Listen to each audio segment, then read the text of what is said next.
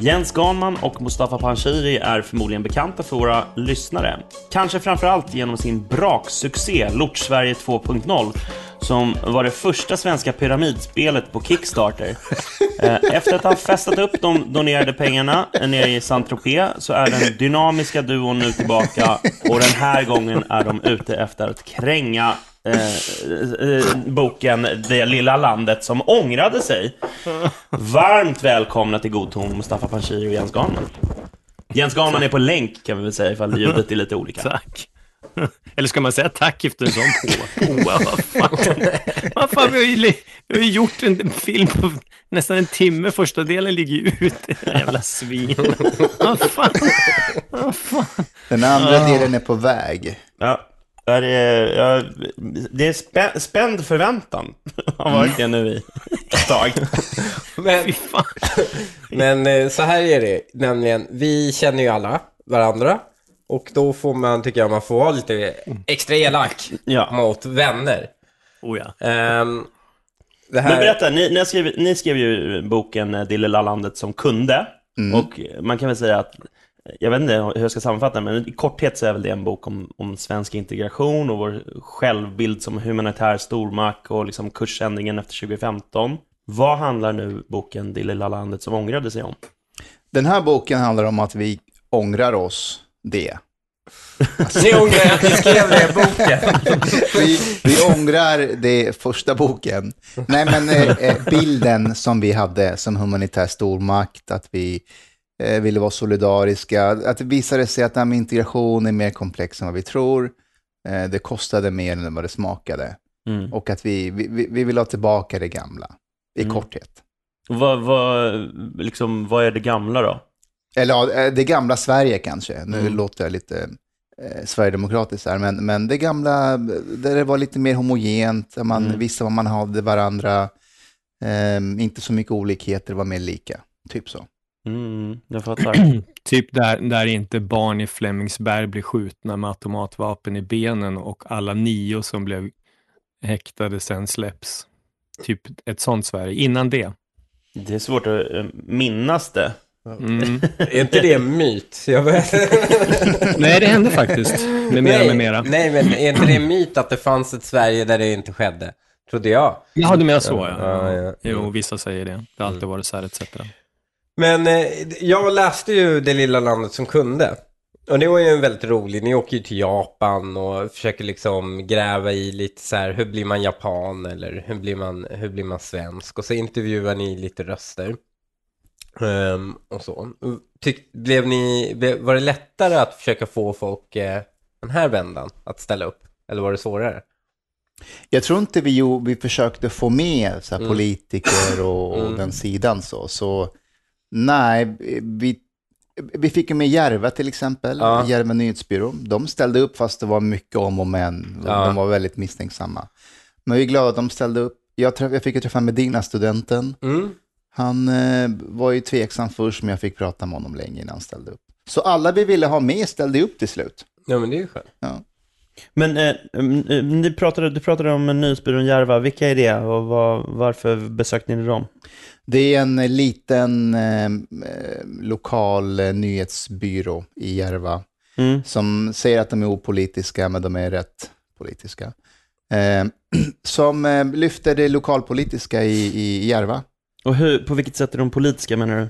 Om man pratar med dem där så är det ju mycket fokus på omfördelningspolitik, social orättvisa ehm, och ja, all, alla, alla frågor förklaras utifrån de modellerna. Och de har ju redaktionsmedlemmar som går liksom i polemik och replikerar på mig. Liksom. Mm. Alltså så här, från en annan tidning. Liksom. De vägrar prata med Sverigedemokraterna, eh, men Nyans går helt, det går bra. Mm. Och ehm, r- okej, så här. Rashid Musa fick vara med där i ett hörn och dissa Diamant Salihos bok Mm. på typ första sidan på den tidningen. Så då, då kan man få se en bild av vad det är för tidning. Men med det sagt, de är en del av eh, det nya medielandskapet. Mm, mm. Eh, så det, det var mest därför vi åkte dit, inte för att sätta dit dem eller... Är det många som läser dem från förorten?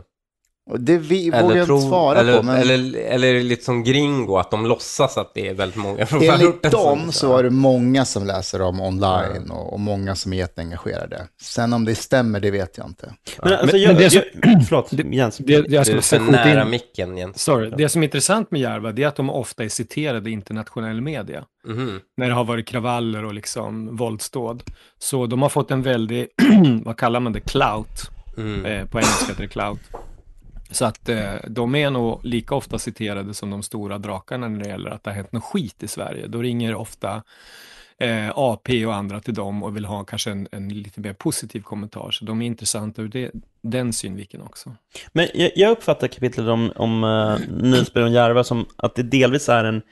Eh, ni riktar en kritik mot andra mediehus och liksom och mot något slags eh, Eh, etablissemang lite sådär. Alltså, ni nämner då alltså Thomas Mattsson, han satte typ på sig en tropikhatt och, och, åkte dit och berättade för dem att det var viktigt med journalistik ungefär och de stod lite frågande och undrade vad fan han hade gjort där och ni berättade någon liknande historia om någon DN-journalist som hade varit där och eh, Ja, alltså eh, det är ganska mycket av ett uppifrån och ner perspektiv mot den här lilla nyhetsbyrån. Men eh, alltså att man har bemött den här redaktionen på ett lite förminskande sätt. Men min fråga blir om inte ni gör exakt samma sak. Alltså, för ni hanterar ju dem med silkesvantar. Alltså när eh, Jens skriver, eh, eller han säger så här till dem när, när de ska svara på varför de då eh, kan intervjua partiet Nyans men inte SD. Det står så här. Eh, citat. Det där svaret kommer inte att se bra ut i tryck, säger han och rynkar pannan. Vissa kommer att tycka att ni visar lite dubbelmoral i det här fallet. Kan inte formulera om det och svara på ett lite mer nyanserat sätt?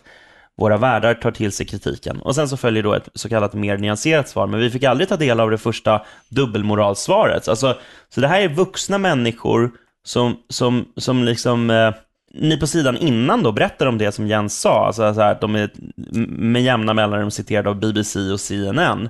Men ändå ska ni då infantilisera dem på det här sättet. Alltså om Det du, kallas härskarteknik, Per. Ja, Om- men om varför du- om du varför får vi inte menar- ta del av om, dubbelmoralsvaret? om du menar att vi gör oss skuld- skyldiga till någon form av låga förväntningars rasism, så ja, det gör vi. Mot svenskar. Mot, Hon, Ja. hon är, Kerstin är ju svensk som vi pratar med. Hon är liksom 100% etnisk Nej men. Jens, ska vi berätta lite vad som hände bakom kulisserna? Ja, det var väldigt dålig stämning. Det här var ju några dagar efter valet, så de var ju lite sura redan. Det kändes ju i luften att de inte gillade det. Mm. Och att de inte gillade oss heller, även om de inte sa det rakt ut. De hade köpt fika och, och bjöd på kaffe och, och några eh, utländska bakverk. Det var jättetrevligt. Men Men det var cyanid i. alltså atmosfären i det där lilla redaktionsrummet gick att skära med kniv. Ja. De gillade inte oss. Och då slog väl vi över lite och blev lite så här övertrevliga och överbeskyddande. För vi ville inte att de skulle sen säga att vi åkte dit för att göra ett hitjobb. Nej. Nej. men eller så är ni bara så himla svenska. Att så, här, så ju mer någon hatar med er, då ska ju mer öppenhet Ja, men det var precis det som hände. Så det är som svenskar löser konflikter. Ja. Typ. Du, för man liksom, om, om någon liksom norrbagge kommer hit eller ungrar och söker asyl, då kan den dra åt fucking helvete. Men kommer det någon afghan som hatar dig, liksom allting du står för, då jävlar. Då, välkommen. Men Spännande, det välkommen. kommer sig att du hatar mig.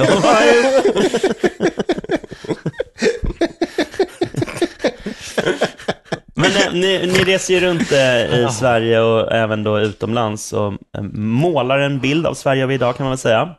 Bland annat så, så hamnar ni på gamla gigmarker för Jens, för du har ju spelat och uppträtt på festivalen Urkult. Vad är Urkult för någonting? Urkult är en eh, väldigt exklusiv festival i Nämforsen.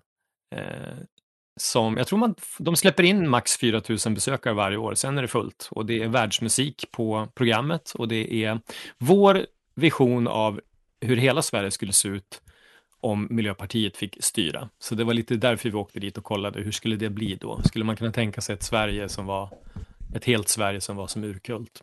Och det gick väldigt bra, för vi blev väldigt trevligt bemötta. Vi hade fördomar om urkult som inte slog in. Men är det inte mer att ni har fördomar om eh, människorna som tycker de här sakerna?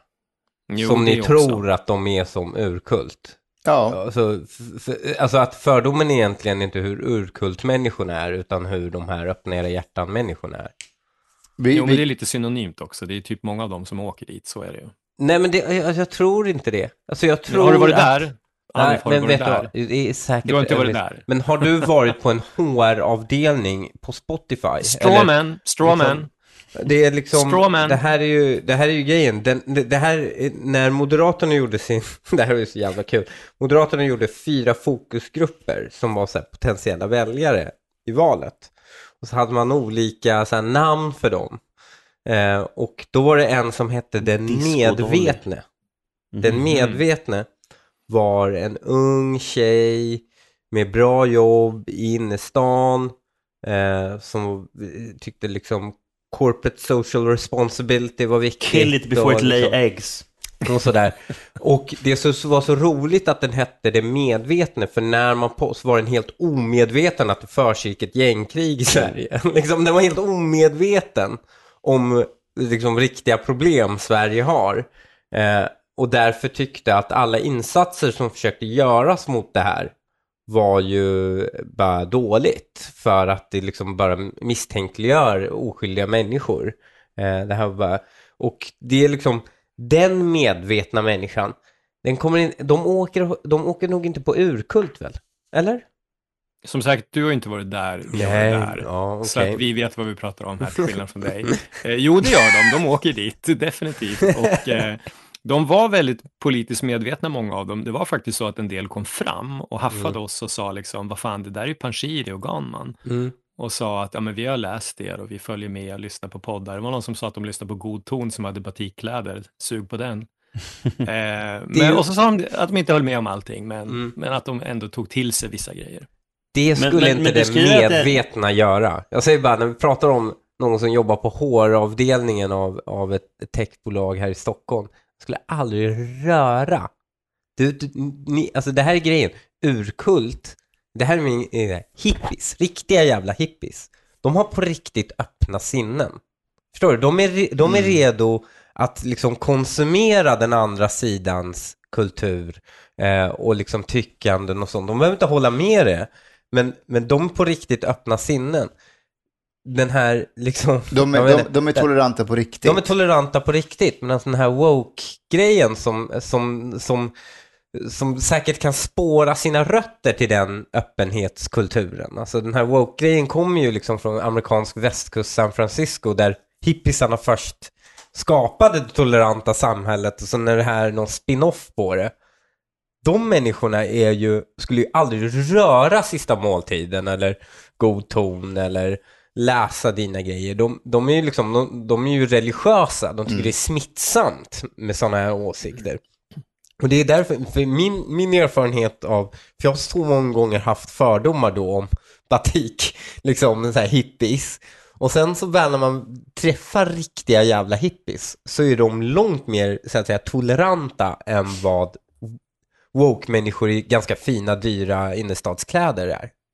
Helt rätt, det ja, tror jag också. Det Det är en stämmer. bra analys. Men, men eh, för du, du, jag, jag får inte ihop en grej just angående klientellet på Urkult, för det står att, alltså, ehm, det är väl du Jens som skriver det, alltså att festivalområdet var i ögonfallande avpolitiserat, men på samma sida så står det att en snubbe står i YPG-tisha och någon står med en Refugees Welcome-tröja och på nästa sida så möter ni då Ester och Alma som delar ut information från Extinction Rebellion. Så det är liksom så här, Mm. helt avpolitiserat låter det inte Nej. som att det var. Nej, publiken och de som utställarna som är där, de är ju politiska varelser i allra högsta grad. Men Ja. själva områdets utsmyckning, vi ska tänka att det här också var Prideveckan vi var där. Ah. Och det, vi såg inte en enda Prideflagga upphängd. Det var väldigt smart av arrangörerna att tona ner allt det där. Så att själva ja, inramningen och utsmyckningen var väldigt Så avpolitiserad. fokus var på liksom, ja, men banden och Ja, upplevelserna. och musiken, att människorna ses och, och träffas över gränser, utbyter Ja. idéer, mat och sådär. Alltså, alltså, det låter ju skittrevligt. det var, Det var alltså, urkult var min bild av Europa när jag bodde i Afghanistan. Mm. Eh, fast det saknades ett så här tivoli-grejer i bakgrunden. För det trodde jag också, att det var alltid igång en tivoli som Disneyland hela tiden. Ja. Så jag, jag var ju verkligen som att ah, det, var, det var det här jag trodde jag skulle resa till. ja. Men ni blev eh, eh recenserade av eh, Stina Oskarsson i Svenska Dagbladet. Eh, och det var ju inte en vidare bra recension. Då, då måste jag säga, då syftar jag inte på att eh, Stina Oskarsson gav er bok lågt betyg, utan jag menar att recensionen som text var usel. Alltså, hon skrev bland annat så här. Eh, någon journalistik eller forskningsmässig kvalitet, alltså en öppenhet för att få idéer om kullkastare, finns inte här. Och när jag läste det så tänkte jag lite så här, ja, tråkigt för dig att du förväntade det. Alltså, hade du förväntat dig något annat så kanske du hade gillat boken. Alltså, det ligger hos henne. Alltså, det här fenomenet tycker jag återkommer. Alltså, det är som att vissa går genom livet och liksom förväntar sig att världen ska vara inrättad efter deras preferenser och förväntansbilder. Alltså, så man öppnar till Bibeln och hoppas på att få hitta ett bolognese-recept och så blir man förbannad när man inte hittar det. Alltså, det är liksom inte ert jävla ansvar att hon har en skev förväntansbild. Ni har inte gjort anspråk på att ha liksom bedriva den sortens journalistik eller än mindre producera något liksom av forskningsmässig kvalitet, vilket jag tycker är så jävla otroligt. Men med det sagt så har jag en undran om passagen om urkult som ligger lite i linje med hennes fundering om att då eh, vara öppen för att få sina idéer omkullkastade. För i boken så står det bland annat så här eh, Mustafa säger, bara tanken på att umgås med dessa frisinnade hippies får håret på armarna att resa sig. Och eh, du tänker då Mustafa så här, run Mustafa run, som i Forrest Gump. Och Jens beskriver tidigare hur eh, de här människorna på Urkult, de äter sockerfritt naturgodis, lallar. Man kan bli galen för mindre. Vet de inte att Sverige leder Europaligan i bombdåd? Och har de missat att allt söder om Liljeholmen är ett eh, apokalyptiskt, apokalyptiskt Mad Max? Eh, och då blir min fråga, alltså så här, är inte det här lite som typ Dagens ETC som går och ser Henrik Jönssons live-turné? alltså, liksom... Alltså, och en sån text kan ju absolut ha ett existensberättigande, alltså en Dagens ETC-text om Henrik Jönsson, men, men liksom, frågan är, hade ni bestämt er på förhand? Gav ni de här människorna en chans? Nej, vi, alltså, alltså i början så gick vi ju dit med, jag visste vad det där var, trodde jag. Mm. Men när vi kommer dit så märker vi att, alltså skillnaden mellan det du beskriver nu och dagens sätt när de går till Henrik Jönsson, det är att i slutet så erkänner vi att eh, vi kanske hade lite fel om miljön och människorna. Det var inte alls så som vi hade tänkt oss. Det var väldigt trevligt att vara med dem och umgås med dem. Eh, jag, jag hade absolut kunnat tänka mig gå till Urkult igen. Mm. Så ja, Vi vi skriver ju också det att vi har fördomar. Alltså det där du läste upp nu Per, det är ju högst ironiskt. Det är Mm. ju så att vi, vi, ett tema i våra böcker, framförallt den här andra, det är ju det att vi är väl medvetna om att vi är någon slags outbildade integrationsmormoner som åker runt och försöker liksom, ja, övertyga folk om att vi har rätt. Och Mm. vi får ju nästan alltid fel. Och eh, sen Stina Oskarsson där, jag vet inte, jag upplever inte henne som någon kanske jättehumoristisk människa, men jag tror att hon inte riktigt hajar själva genren och konceptet. Det där man, man kan åka runt och göra som en typ road movie, utan att göra några jämförelser i övrigt med, med Hunter S. Thompson och sådana storheter. Så det är ju lite det vi gör. Ja, vi men gör precis. Och, och men det, det var det som var så jävla knäppt med hennes recension. Att så här, ja, det här är som ett enda långt poddavsnitt. Bara, Ja, Bra. exakt. Ja, alltså, ja, alltså liksom, vad fan. Och, och trist för dig att du inte ville att det skulle vara det. Men nu var det det. Och det finns jättemånga, exempelvis jag, som tycker att det här är en fantastisk bok. Alltså jag menar verkligen det. Jag, Tack, jag skrattade Tack, skit, jag skrattade massa gånger och jag pratade med andra som också så här, det är inte så jävla ofta man skrattar högt åt böcker. Jag gjorde det flera gånger. Jag tycker det är Du, det- fantastiskt det bra. är det bästa betyget vi kan få. För Jens och jag har medvetet försökt göra boken lite roligt. Mm. För att det är så tungt när man läser om Ja, integration. men jag berättade inte när jag skrattade, jag skrattade åt Jens kapitel. det, det gör ingenting, bara du skrattar det någon gång. Eh, nej, men ju, för det är så tungt när Diamant Salihu och alla de här böckerna. Det är väldigt, nu, så här, nu ska vi prata om gängkriminalitet, det är väldigt allvarligt integration. Vi vill ju medvetet göra det lite roligt. Man måste kunna skratta åt det också. Ja. Ja, så visst. tack, det är det bästa betyget. Men. Verkligen. om, om du skulle säga den gemensamma nämnaren hos dem som eh, då ni pratar med, som har ångrat sig. Eh, förutom att de ångrat sig, vad i deras så att säga, världsbild har förändrats? Jag vet Mm. inte om många av dem vi träffar, att vi pratar så mycket ånger med dem specifikt. Mm. Men om vi tar till exempel Medina-studenten. Mm.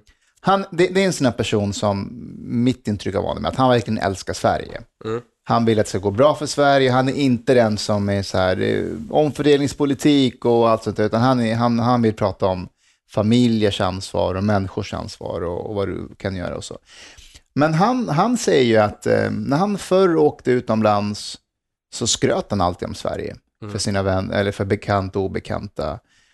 Eh, och pratade alltid gott om Sverige. Men att han idag drar sig för det. Att, att han eh, tycker det är väldigt sorgligt att det har gått så fort. Att när han lämnade Järva eh, eh, och kom tillbaka några år senare så var det helt förändrat. Att förr var de, de kriminella i Järva, de gömde sig för att de skämdes för att vara kriminella. Nu var det som att de tog plats, som han var stolt över att vara kriminell. Så att jag äger det här territoriet, det är mitt. Och att andra såg upp till dem. Så var det inte förr med han. Eh, så på så sätt har, har han världs, världsbild förändrats. Om, om Järva i synnerhet och Sverige i allmänhet. För det Men, lilla men, men, landet som... jag tror att du behöver förklara vem Medina-studenten är och vad han gör för någonting, för att det är inte alla som är helt bekanta med, med honom. Det är en kille som heter Musa Assal. Han jobbar för Rädda Barnen bland annat. Gör han? Ja, det är han. Mm. Eh, eh, på en, eh, med, med ungdomar, med Mm. någon fritidsverksamhet eller något sånt där. Han Eh, har cancelat flest rapartister i Sverige, va? Precis. Han, han får dem bli så ultraortodoxa muslimer och ja, sen... det vet jag inte om de blir ultraortodoxa muslimer, vet jag inte De om de slutar blir. tro på musik och sen drar ner, sin, eh, drar ner sina Ja. Spotify-listor. Ja, jo, men eh, det lyckas han bra med. Men han, eh, det är en konservativ kille som, eh, Är han bara konservativ? han, han är inte salafist. Nej, nej, men är Det- han bara konservativ? Han Eh, är inte lite mer hardcore än konservativ. Han är, han, han kanske är hardcore. Men om du, om du, om du gör en skala Mm. där vi sätter, vi kan sätta Lennart Sacredus eller liksom eh, Ebba Busch, eh, Sacredeus. Sacredeus, jag säger alltid fel på hans namn. Lennart Sacredeus på den ena skalan som konservativt kristen. Och sen har vi då liberalt kristen i den där flatan som sköter, eh, sköter Svenska kyrkans Twitterkonto. Och sen försöker du placera då Medina-studenten. Var hamnar han? Ja, han är nu mer åt Lennarts håll. Är han mer åt Lennart, så han är någonstans mellan flatan och Lennart? Han är mer åt Lennart, det, det är han. Eller är han bortom Lennart? Bortom Lennart. Han är bortom Lennart. Varför är... Fan? Hur är det här kontroversiellt? Nej, det är inte Han är kontroversiellt. ju lite bortom Lennart. Ja, okej, kanske lite, mm, en halv skala bortom. Han är ganska... Men det, det, det här är, det, det vi bevittnar nu är alltså någon som försöker beskriva, alltså det här, liksom relativ konservatism. Alltså för att det, om, du är, om du är liksom konservativ i kristna mått mätt, då är det bara, åh gud, han är så jävla konservativ. Och det, det är någon jävel som går i kyrkan varje söndag. Och sen så bara, nej men vad fan, ganska modern ändå. Bara, Ta okej, lite han, kvinnor han i puttar hand inte då." bögar från hustak. Eh, han tar kvinnor i hand. Det Han det. ja, men det tror jag. Nej, det tror jag inte han gör. Det kanske han inte gör, men jag, skitsamma.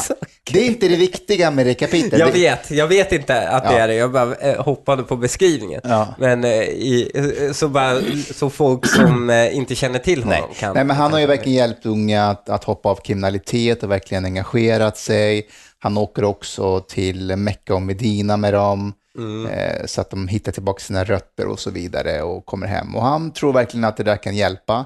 Jag förstår att man är misstänksam mot det, jag fattar verkligen det. Men han verkar ha hittat ett sätt så, att de här, de här ungdomarna ser upp till honom och respekterar honom och lyssnar på honom. Ja, men det Men- här, men alltså det här, jag- är, ju- det här är ju inte, det här är liksom, eh, det beskrev jag ju, jag beskrev det ganska länge sedan, att de alltså valet föräldrar har i Järva är ju liksom när det kommer till religiösa friskolor exempelvis, så är det så här, ska jag skicka min unge till den kommunala skolan och den blir en gangster? Eller skickar jag den till en konservativ muslimsk friskola och de håller den ifrån det. Men eh, istället blir den liksom ja, så får den en väldigt stark muslimsk identitet som inte uppfattas som negativt för dem. Men det betyder ju inte att deras föräldrar gick i en muslimsk skola, eller Nej. de bodde i ett muslimskt land, men det behövde inte, de gick ju Nej. inte i en islamsk m- madrasa liksom. Men jag tycker alltså, den långsiktiga effekten av det där är minst sagt oroväckande. Ja. Att bara så här, det är hyfsat mycket av en kissa i sängen-lösning. Ja. Bara, nej men, vad fan. Ja, bra, du skjuter inte ihjäl någon, men du har liksom, vi har, vi har liksom gjort att orten ska bli någon slags så här konservativ islamfabrik. Alltså det, att det är så här, ja, det är i alla fall inte, det, du är i alla fall inte gängmedlem. Jag, har- jag har svårt att bli glad över den utvecklingen alltså. Jag, jag tänker att de föräldrar som bor i de här områdena, de är nog gladare över att deras söner inte skjuter andras söner. Men att de kanske, de är okej med att de är emot nagellack på, på, på kvinnor. Men, men jag reagerar på, för du, du har återkommit till den där formuleringen som du precis sa, du sa det på, när ni var på Kulturhusets stora scen också, då sa du att, eh, ja men att Medina-studenten vill Sverige väl och, och sådär. Men vad innebär det ens? Alltså Theodor Engström skulle nog säga att hans mord i Almedalen var utifrån en välvilja för Sverige, eh, utan att dra några paralleller i övrigt. Alltså, vad jag är ute efter här är, Alltså vad som är viktigare än en välvillig intention eller, eller, eller ett uttryck om kärlek till ett land är ju det potentiella utfallet av ens ideologi. Alltså, ni skriver bland annat ett kapitel om en konservativ präst, George, som ber bort bögeri. Alltså, det är ju utifrån en idé om att han ska rädda svenska folket ifrån synden som han menar då att homosexualitet utgör. Så alltså, utan att veta precis var Medina-studenten står ideologiskt eller religiöst, alltså, är det verkligen tillräckligt att han säger att han vill Sverige väl? Ja, så här, det är vad han säger och jag, jag tror att hans intentioner är, är goda. Men så här, det han tror på, eventuellt inte tror på, ja, det är ett problem. Alltså vi kan diskutera det, vi kan... Jag är inte den som ursäktar eller relativiserar det. Det, det enda jag säger är att om vi vill hitta allierade för att komma åt den här grova kriminaliteten vi ser, då menar jag att Medina-studenten är en allierad i den frågan. Sen behöver han inte vara en allierad när det kommer till frågor som rör ja, hbtq-frågor och, och, och eh, kvinnors frigörelse och så vidare. Nej, det här behöver han inte vara det. Men han måste inte vara en allierad i hela det ledet för att vi ska tycka att ja, men det här verkar vara en schysst gubbe. Tycker vi ska nyttja de krafterna vi har när det kommer till ett problem, men man kan förkasta det när det kommer jag, till tror andra problem. jag, alltså jag hade köpt det om det vore så att så här, um, man var, hade intresse, man hade så att säga, intresse, intressegemenskap i en fråga som man båda ville göra samma sak på. Men hans lösning på, på problemet är ju att få folk att köpa hela hans åsiktspaket. Det är inte så att när han liksom rekryterar Draylo till islam så säger han så här Ja, ja, alltså eh, jag vill bara att du eh, lyssnar på mig när det kommer till vad islam säger om kriminalitet. Jag, jag tycker inte du ska lyssna på mig när det kommer till islam om, om eh, kvinnor eller synen på, på eh, liksom otrogna eller whatever det nu är. Utan hans lösning är ju som, alltså det här har ju kritiserats svensk, alltså svenska kyrkor också för, nämligen att de tror att så här, jag fick Sebbe Stax att bli kristen, därför löste jag problemet. Om alla bara blev kristna som Sebbe Stax. Men alltså lösningen på, eh, lösningen på Sveriges samhällsproblem är väl inte att hela Sverige blir Jönköping ideologiskt. Eh, det, det finns så att säga andra nackdelar med det också. Jo, alltså, men, men så här, av, av det jag pratat med honom och det jag sett vad han gör, så är min uppfattning inte att han hjälper till i de här frågorna och sen när de har lämnat kriminaliteten eller eh, raderat sin spellista från Spotify, att han sen går och säger så här, Hörru, nu är det lite payback time, Ska, du, du måste hänga med mig på det här också nu, tro på det här, utan han verkar typ lämna dem i fred, alltså att eh, sen går han vidare till nästa grej. Men, För- alltså, för men, men jag, Draylo jag, jag, tycker, att- jag tycker att hans, hans linje är lite haltande, för det är så här, nej men vi pratar inte alls om religion, vi, vi pratar om livet i stort och du vet sådär. Det, han, han tonar ner den här religiösa aspekten väldigt mycket. Samtidigt så är det så här, det är inte så att han åker till Legoland med dem. Alltså, Nej, han åker till Mecka. Han åker till Han åker till Mecka med dem. Liksom. Alltså, och, och han säger, på sidan 138 står det så här, om, han säger så här, om jag skulle få rätt resurser, finansiering av resorna, boende och fick ta med psykologer från Sverige dit, då kan jag nästan garantera att vi skulle få bukt med många av de problem vi ser idag. Hur, frågar jag, för det låter nästan för bra för att vara sant. Är detta 2020-talets motsvarighet till 1990-talets värstingresor, då dåtidens legister fick åka och segla i Söderhavet eller åka till Nicaragua och volontärarbeta för att komma bort från de destruktiva miljöerna på hem hemmaplan? Och här menar jag så här, japp, det är exakt vad det är. Och just Ja. därför ska det gå noll skattekronor till Ja, och detta. jag, Alltså, och jag ifrågasätter det. Alltså, jag här, är själv... Låter nästan för bra för att vara sant. Ja, jag, Nej, jag, jag håller med. Ja, men jag, jag håller med. Jag håller med. Det, det är därför jag blir tveksam till Ja. om det där. Men enligt honom själv och de som, för han gör ju de här resorna nu. Mm. Och han säger ju att det är deras föräldrar som finansierar resorna till de här barnen Mm. och, och att när de kommer hit så har de fått eh, kontakt med sina rötter och de verkar lämna kriminalitet. Kontakt med sina rötter är kodord för de nu- blivit mer muslimska. Ja. Ja, och ja, det får man väl vara i. Sverige. Vara med muslim. Nej, men, eh, han, enligt honom så verkar det fungera och därför var han ett intressant Jag, fenomen. jag tror att det funkar. ja. Alltså jag tror på riktigt, jag tror inte det som värsting. Värstingresorna funkade inte. Jag tror det här funkar, men det funkar för bra. Men det Alltså funkar, det funkar på ett sätt som Jag- är så här. jag tror att det Jag tror om du tar människor med liksom uppenbart damp, eh, som inte klarar av att eh, befinna sig i ett samhälle utan att söka sig till kriminalitet. Eh, om du tar sådana människor och sen bara, nu ska vi på ett mass, alltså på ett mycket större, bara få de här att bli väldigt mycket religiösa. Mm. Är det på lång sikt en dålig idé? Ja, och det, det här är liksom, det jag har ingen bra alternativ lösning och jag, jag säger inte att man helt och hållet ska skrota den här tanken. Jag bara säger så här, det finns uppenbara risker med det och det finns, i högerled så finns en motsvarighet som är så här, Ja, fan på min tid så, så ordnade man upp det här genom, då, satt, då rakade man skallen och så klädde man sig i grönt och så gjorde man lumpen. Ja.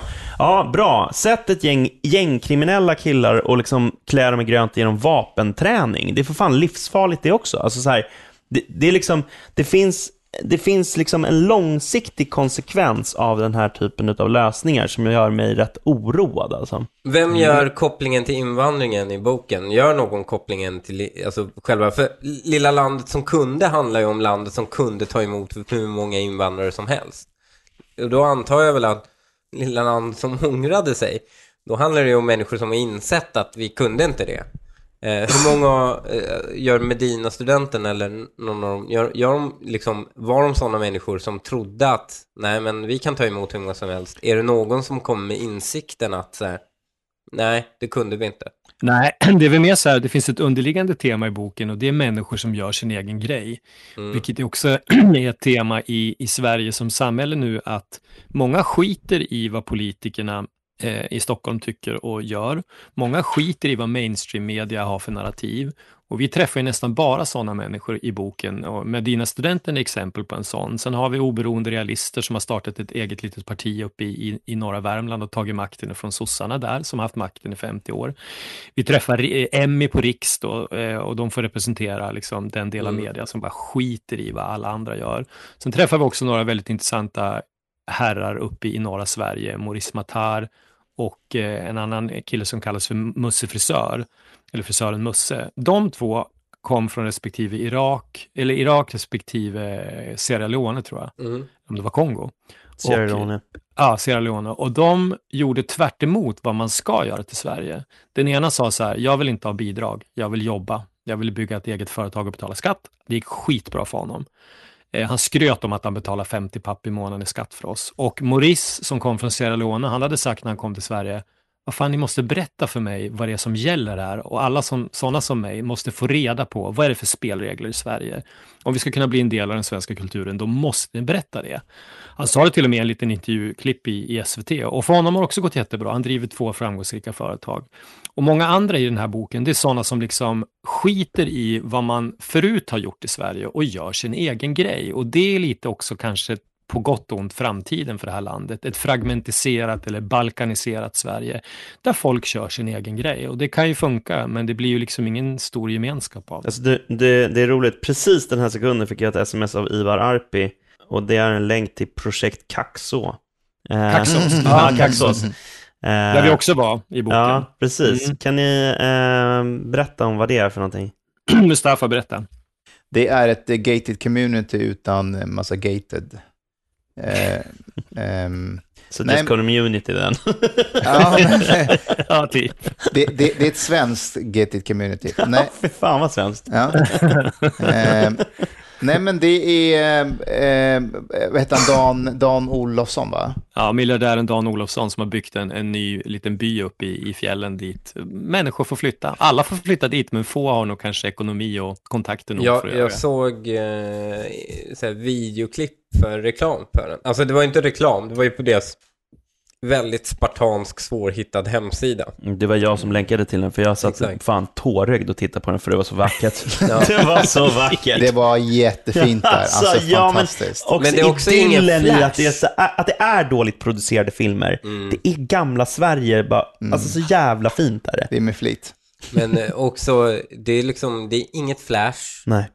Det är inte så här, det är gated community och det är palats. Liksom. Det, Nej, nej, nej. Det är tvärtom lite så här, nu sitter vi i skolmatsalen Mm. och pratar om hur det här samhället är. Alltså det är verkligen, eh, det, och, och det är bara ren selektion. Mm, ja, precis. För, för, för, vem som helst kan ju få söka sig dit, men det är en vettingprocess Japp. för att få bo där. Mm. Det är det, definitivt. Att man passar i den livsstilen, att man har ett friluftsintresse. Mm. Mm. Det är kodord för någonting. Ja, ja, men det är ju som att säga så här, men eh, kan, eh, vi är väldigt seglingsorienterade i det här communityt. det, Det var inte allt för den här veckan. Vill du lyssna på hela avsnittet så går in på patreon.com godton och bli patron. För så lite som 10 kronor per avsnitt får du tillgång till hela avsnitt varje vecka istället för halva avsnitt. Du får även tillgång till vår hemliga Facebookgrupp som är med och styr vilka ämnen vi tar upp. Så gå in nu på patreon.com godton och bli Patreon idag. Annars var det allt för den här veckan. Hej då!